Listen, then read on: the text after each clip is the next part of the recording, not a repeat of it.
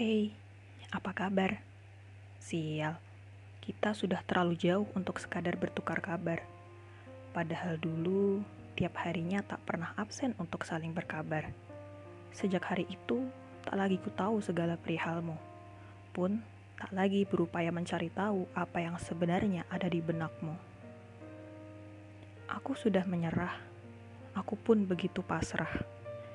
Aku memilih diam, menjauhi, dan seolah tak lagi peduli, daripada terus-menerus menyakiti diriku sendiri. Hah, sepi ya? Tiada lagi canda tawa yang apa adanya, cerita tentang apa saja dengan minim jeda. Tiada lagi tanya, gimana hari ini? Ada cerita apa hari ini? Seneng gak hari ini? Apa ini hanya aku yang merasa? Atau kau juga serupa? Ragu, pasti kau sudah tak lagi peduli dan sudah lama melupa.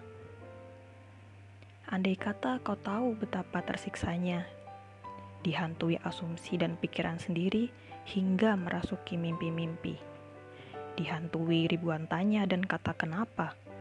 Kenapa kau harus pergi? Kenapa kau tak bisa diam saja di sini? Kenapa kita akhirnya begini? Cukup, cukup.